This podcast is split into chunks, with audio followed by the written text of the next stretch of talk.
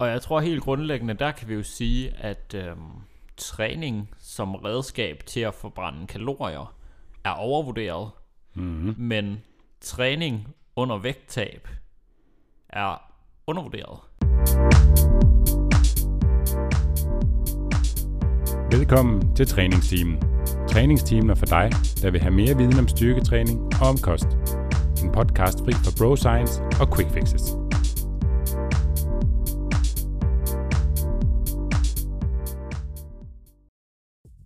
Velkommen tilbage til træningsteamen og til episode 154. Introen eller teaseren kan måske lyde lidt selvmodsigende. Men Nikolaj uddyber selvfølgelig lige om lidt, når podcasten går rigtig i gang. Der er rigtig mange gode og sunde ting ved at styrketræne, og ved at træne i det hele taget. Men træning bør ikke kun handle om, hvor mange kalorier vi forbrænder. Og faktisk mener vi, at det er en af de ting, man bør fokusere mindre på, for der er altså andre ting, der er væsentligt vigtigere, og som vi får meget mere ud af ved netop at træne. Og det uddyber vi i den her episode. God fornøjelse.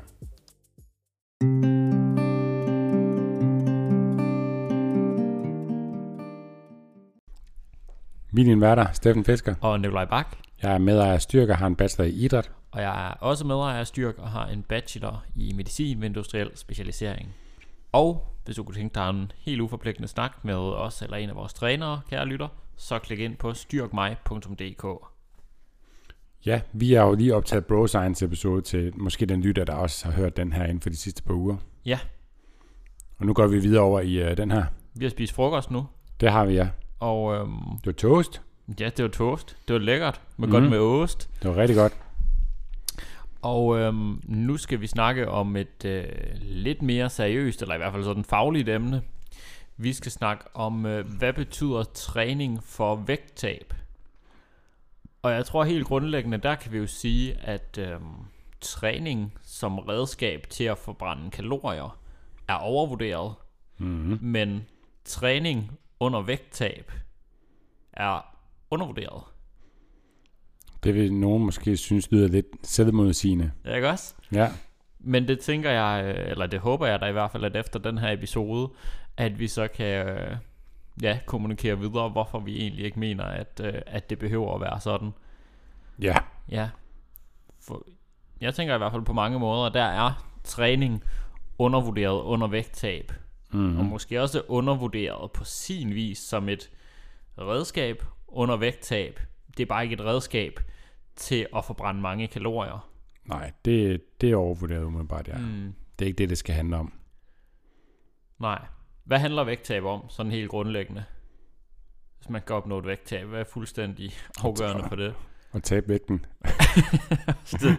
Hvordan taber man vægten? Og være kalorieunderskud. Ja, Ja. så det kan man sige, det, øh, det er det væsentligste. Og derfor der er der nok også mange, der tænker, Nå, jamen hvis jeg skal skabe det her kalorieunderskud, så, øh, så er jeg nødt til at forbrænde flere kalorier. Simpelthen for at komme i den her negative kaloriebalance. Og det giver jo også god mening. Så Det kan i hvert fald være en del af det. Ja, ja, ja.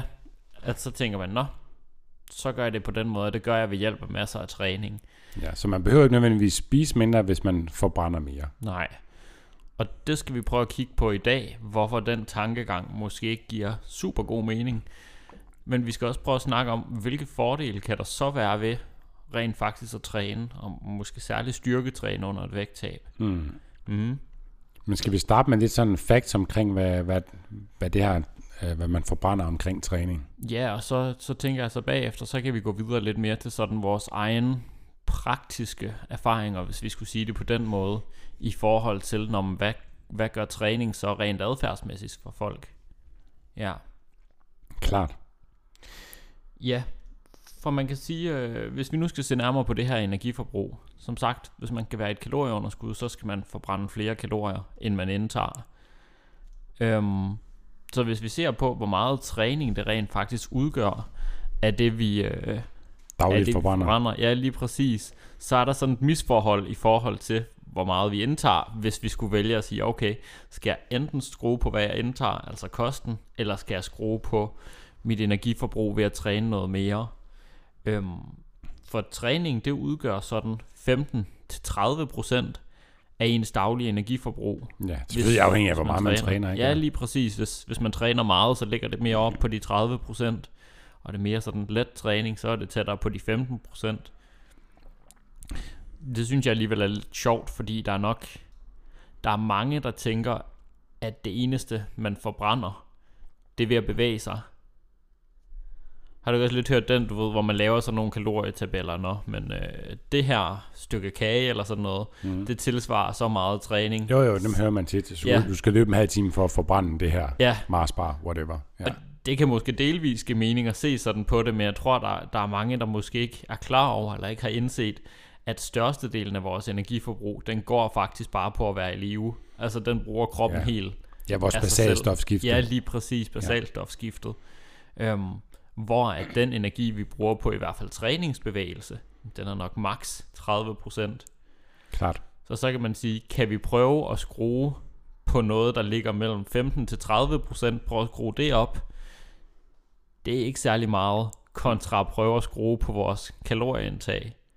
Ja, for kosten er 100% af det, vi indtager. ja, lige præcis. Ja. Træningen er 15-30% at bedst af det, vi forbruger, men kosten er 100% af kalorieindtaget. Præcis. Sjovt nok. Ja. Så det er der, der kan man få mest bang for the buck. Ja. Fordi at, øh, det tager ikke, øh, som du siger, det her øh, med, at man forbrænder af sin Mars bare ved at løbe en time. Mm. Ikke at det er noget, man skal hænge sig op på, det ved jeg ikke. Det er bare noget, jeg siger. Det er nok ikke helt ved siden af. Nej, det kan godt være. Nu mister jeg tråden. Nå, undskyld, jeg afbrød dig. Nej, det gør ikke noget. Det, det kan være, at jeg kan samle den op for dig der så. Ja, det kan godt øhm, være. I hvert fald, hvis vi skal se sådan på kalorieforbrug. Ja. Fordi hvis vi nu sagde, at man trænede rigtig hårdt i en time, øhm, og det er sådan hård kredsløbstræning, det er ikke bare sådan klassisk styrketræning med 1-2 minutters pauser imellem og sådan. Jamen, er det over sådan noget vild spænding eller sådan noget en time? Ja, det er mere sådan noget højintens, ja, ja cardiotræning der snakker vi nok, at man måske har forbrugt 600 kalorier. Mm. Måske lidt mere, hvis man er, er tungere, og hvis man er vand. Men, men sådan 600 kalorier på sådan en times træning, det er nok ikke helt ved siden af hård træning. Øhm, hvis vi siger, at det tager en time, hvor lang tid tager det så at indtage 600 kalorier? Ja. Det, det, det som det, du siger, det, det er sådan en chokoladebar. Det kan være væsentligt kortere tid, og det, og, og det var ved at sige før, nu kommer jeg tanke om, ja. det er, det tager jo også væsentligt kortere tid ikke at indtage dem. Ja. Ja, altså det tager jo 0 sekunder i princippet. Ikke, at, ikke, ikke sagt, at det er nemt at lade være, men det er meget mere cost-benefit i forhold til tid i ja. det. Fordi der skal du lægge en time af til løb kontra at spise mindre, som ikke koster tid. Ja, det er meget nemmere at forebygge for eksempel overspisningsepisoder, end det er at skulle kompensere sådan rent kaloriemæssigt. Ja. Fordi hvis det tager en time at forbrænde 600 kalorier, så øh, kan vi spise en riddersport på hvad, 5-10 minutter eller sådan noget, og have indtaget den samme mængde kalorier der igennem, som man lige har brugt en time på at forbrænde. Ja. Øhm, og vi skal også huske, det er heller ikke statisk. Så selvom vi siger, hvis vi nu siger, at vi får brændt 600 kalorier gennem en hård træning, så vil vores appetit også blive øget. Mm. Den vil ikke nødvendigvis blive øget med 600 kalorier, eller Nej. det vil den ikke rent fysiologisk, men den vil stadigvæk blive øget noget, så vi ikke kunne tælle i gåseøjne ja.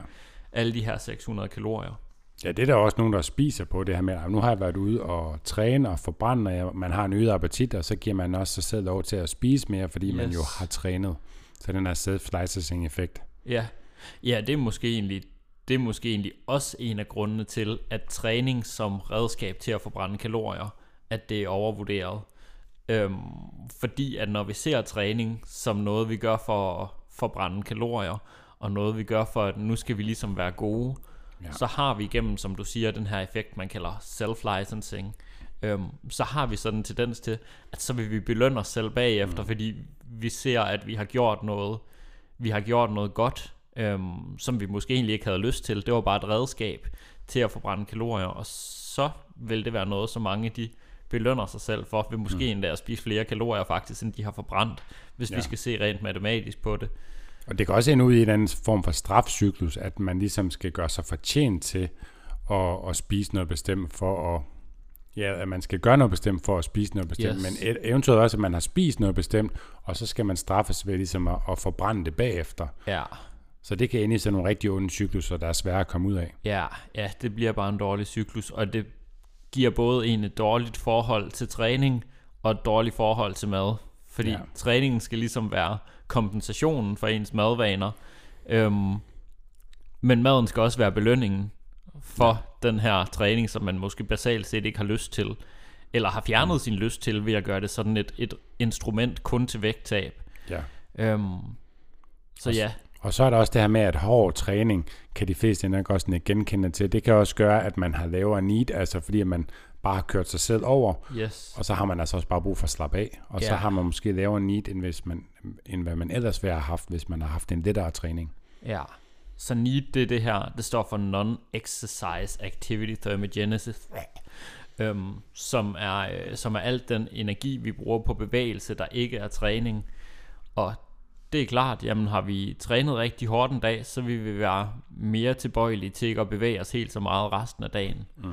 Og der er også noget, det er lidt mere spekulativt, men som kunne tyde på, at kroppen også modregulerer øh, kalorieforbruget fra træningen. Ikke sådan 100%, men delvis. Måske gennem sådan optagelse øh, i, øh, i fordøjelsessystemet. Altså sådan, vi måske ikke helt optager lige så meget, eller udskiller lidt mere det er sådan et forskningsområde, som stadigvæk er relativt nyt, og man mm. kan sige, det er små forskelle, der er tale om, men det er bare for at sige, det er meget mere komplekst, end at hvis vi øh, forbrænder 600 kalorier gennem en træning, så er vi ikke nødvendigvis kommet 600 kalorier underskud, fordi vi rent adfærdsmæssigt i hvert fald sandsynligvis vil, vil modregulere det andet sted, ja. fordi vi spiser mere og bevæger os mindre i resten ja. af tiden. Så de 600 kalorier, som øh, løbebåndet måske viser, eller hvad det nu er, det, det er måske noget andet i praksis egentlig. Ja. Og det er formentlig mindre, eller det er det med al sandsynlighed. Ja, det er så også den ting med, at hvis man rent faktisk prøver at tracke sit kalorieforbrug, for eksempel med et aktivitetsur. Ja, det er sådan en helt anden snak. Det er også helt tal, der helt ved siden af, faktisk. Men at antage det passer, så i praksis er det stadigvæk nok et mindre tal, fordi der sker nogle andre reguleringer.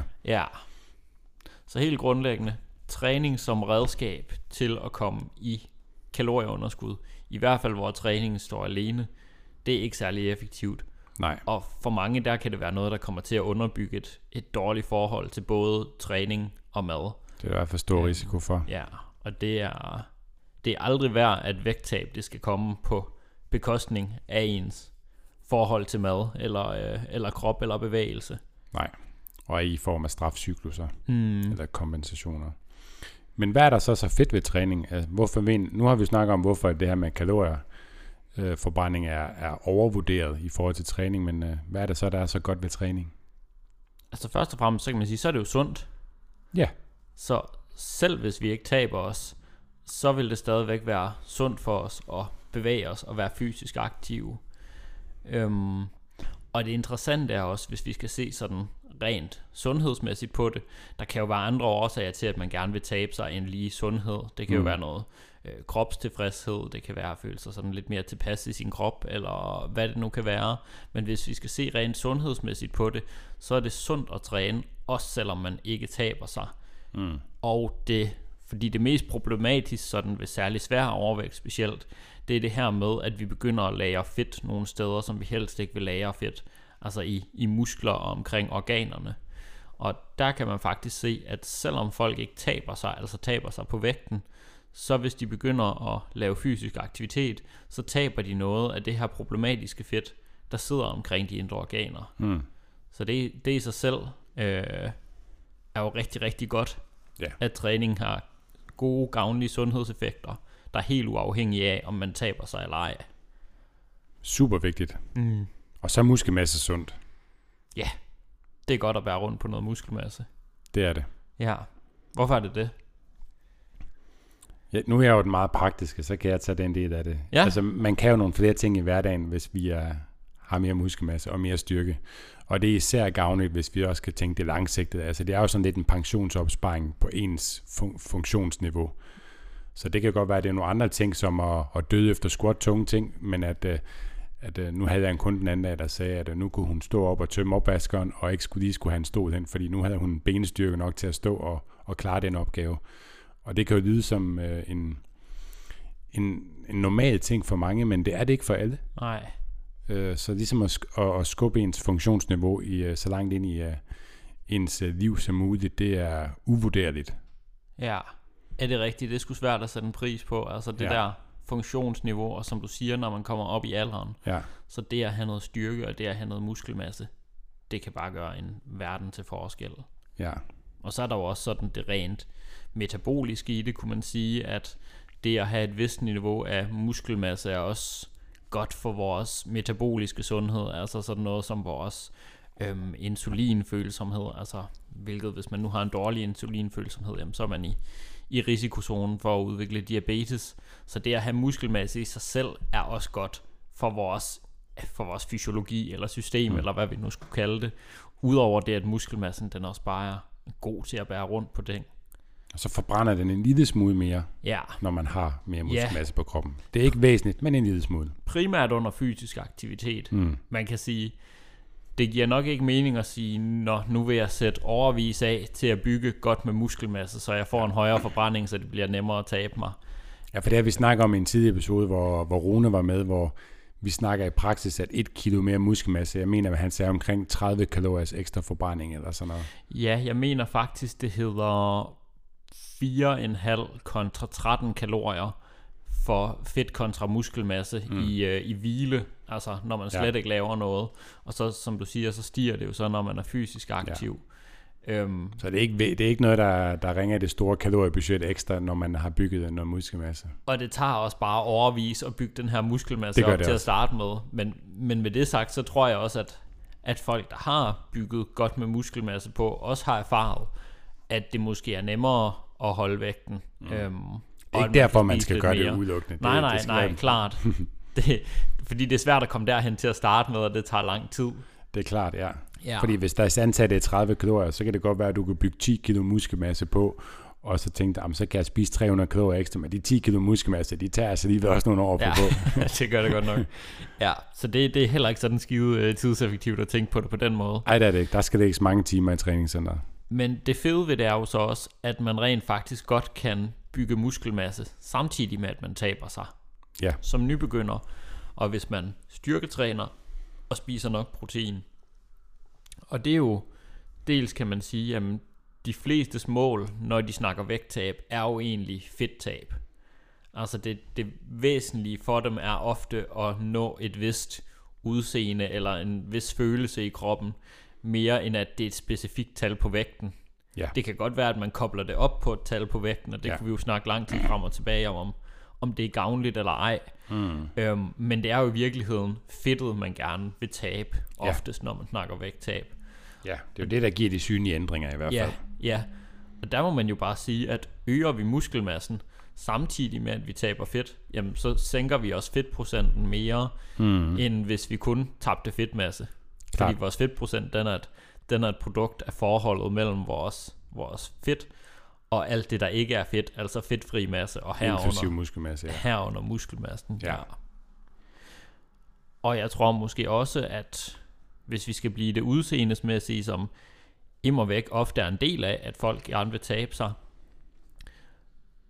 så er der jo også mange, der er interesseret i at nå det her.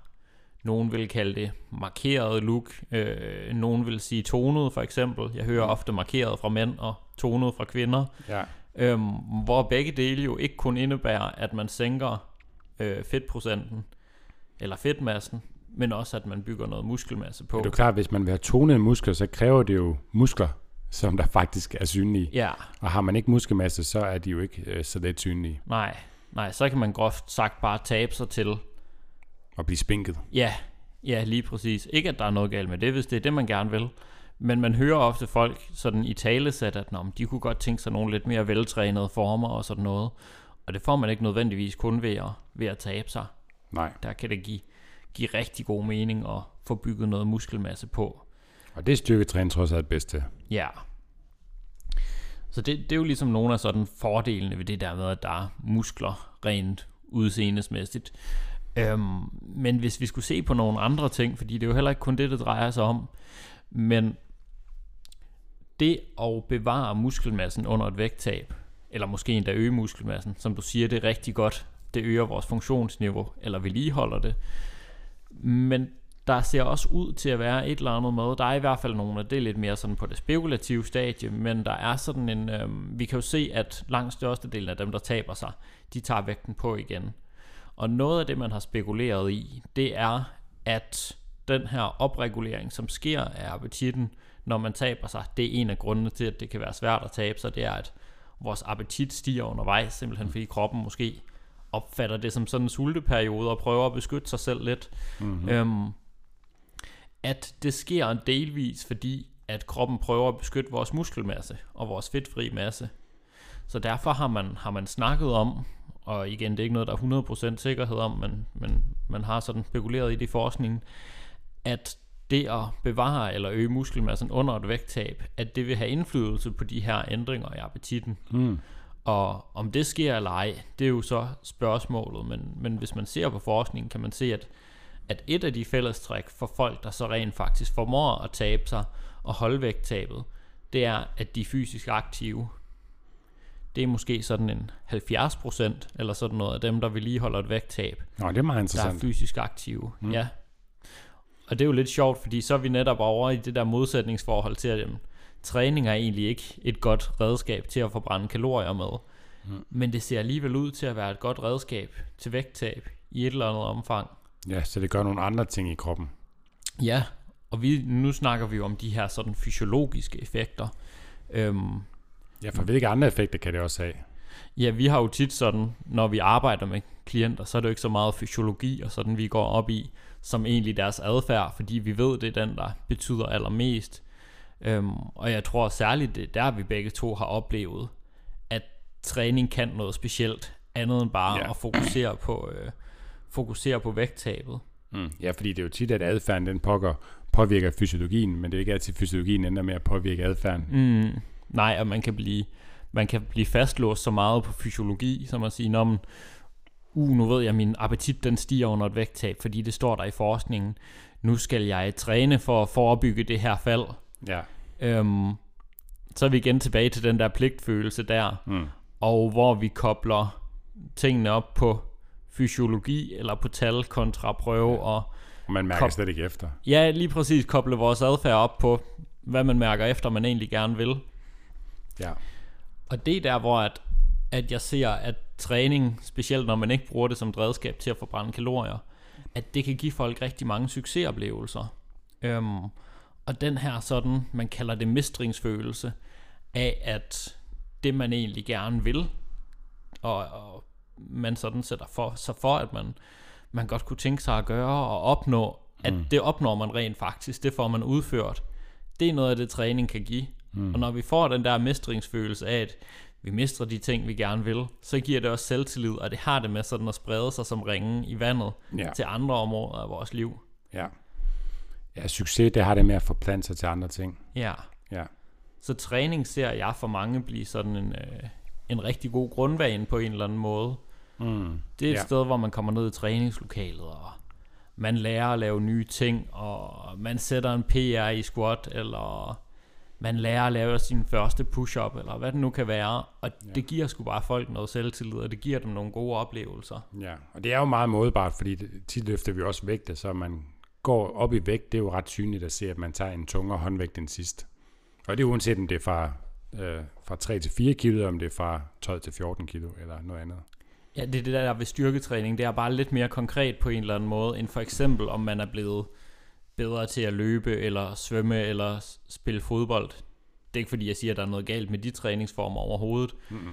Men styrketræning er bare rigtig godt til at synliggøre over for en selv, om man rent faktisk udvikler sig. Og det giver de der succesoplevelser. Ja. Det betyder ikke, at, at alle skal styrketræne, selvom de er interesseret i vægttab. Mm. Men for mange, der har det fandme en positiv slagside. Ja. Det er og, og så er der jo de her ting, som vi snakker om, at man, man føler, at kroppen den kan mere. Altså, der er måske nogle ting i øh, hverdagen, man lige pludselig synes, at man lige pludselig kan, men måske der er også bare nemmere. Altså, jeg har da hørt øh, flere kunder nævne noget med, at øh, turen på fjerde sal med indkøbspose, den er bare meget nemmere nu, og man kan jo snakke hele vejen op, og man er ikke ved at dø, når man kommer op på toppen. Øh, og det kan være det her opvasker eksempel, og det kan være mange ting i hverdagen, der lige pludselig er nemmere, eller man lige pludselig faktisk helt kan det. Jeg havde også engang øh, en kunde på et tidspunkt, som øh, på hendes arbejde, der var nogle ting, hun ikke kunne få ud af de nederste skabe, fordi hun ikke kunne komme derned. Altså det der med at lige at sætte sig ned i en lunch, og så trække det ud, og så komme op igen. Men lige pludselig så var det bare noget, hun kunne. Og hvor kollegaerne også bemærkede at det har, de, det har hun altid bedt dem om at tage ud, fordi det kunne hun ikke selv komme ned til. Så det kan være sådan nogle åbenbaringer for, øh, for folk lige pludselig, hvad de kan, som mm. de ikke har kunne i mange år. Og de ting, du nævner der, kunne jo alle sammen være målet med et vægttab.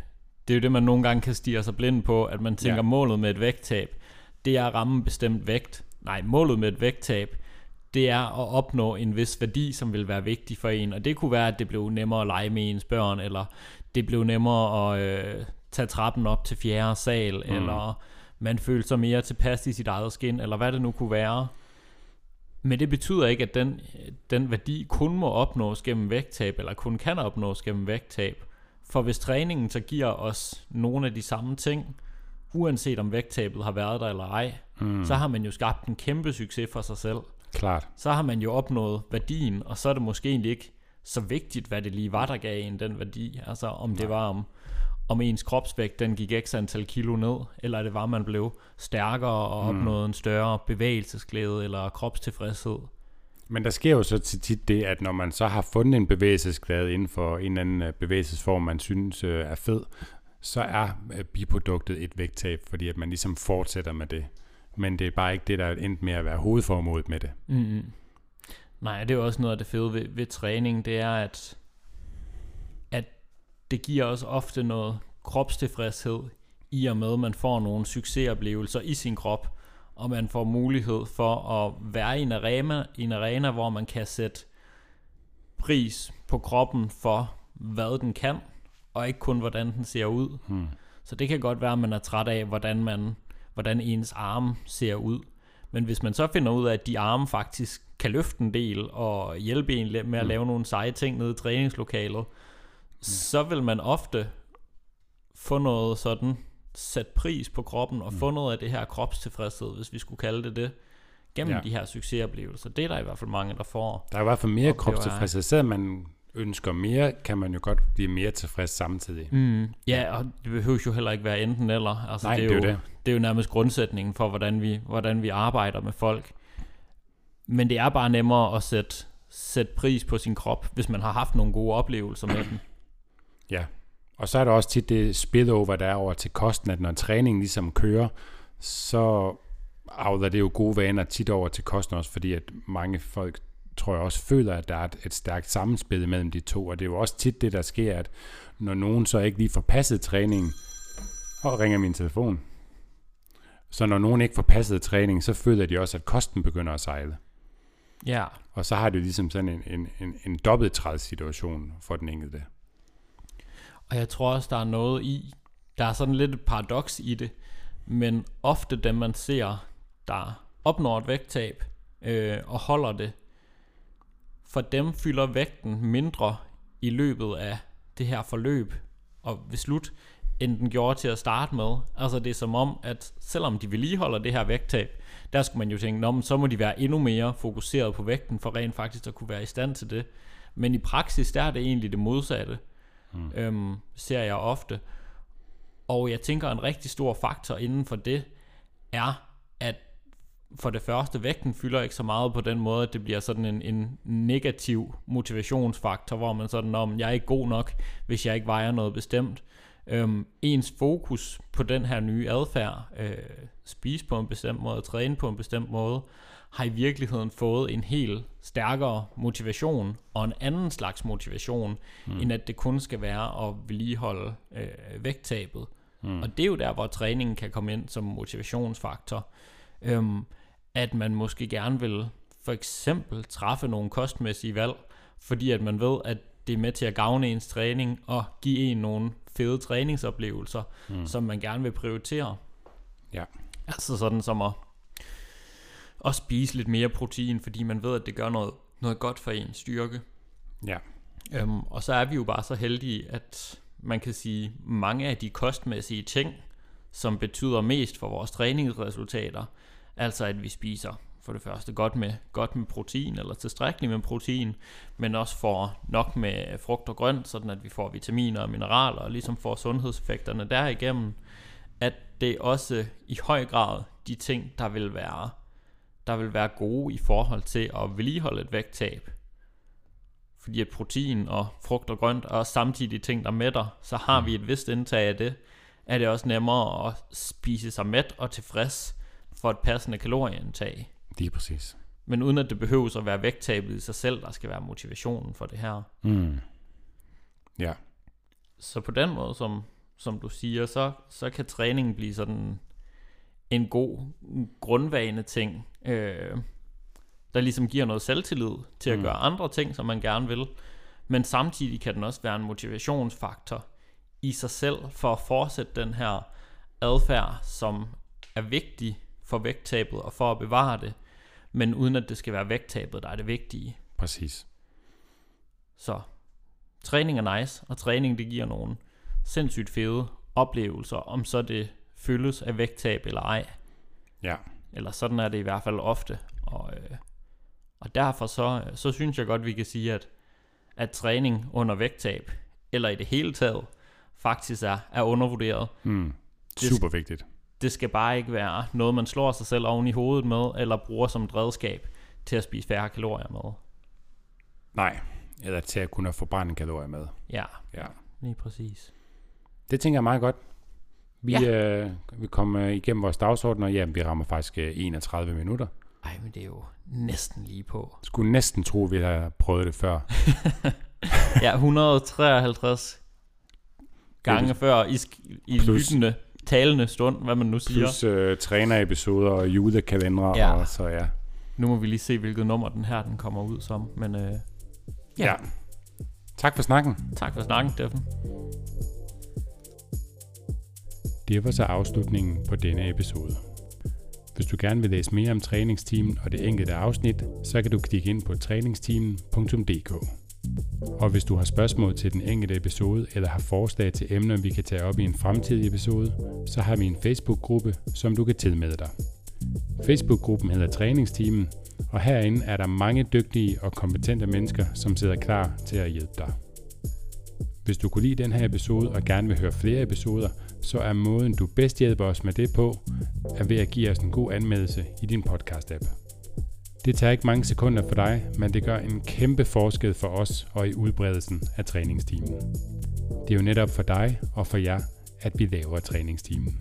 For vi brænder virkelig for at hjælpe så mange som muligt med deres kost- og træningsvaner.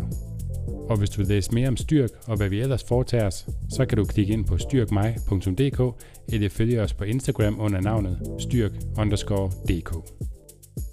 Nu er der vist ikke andet end at sige tak fordi du lyttede med. Vi høres ved.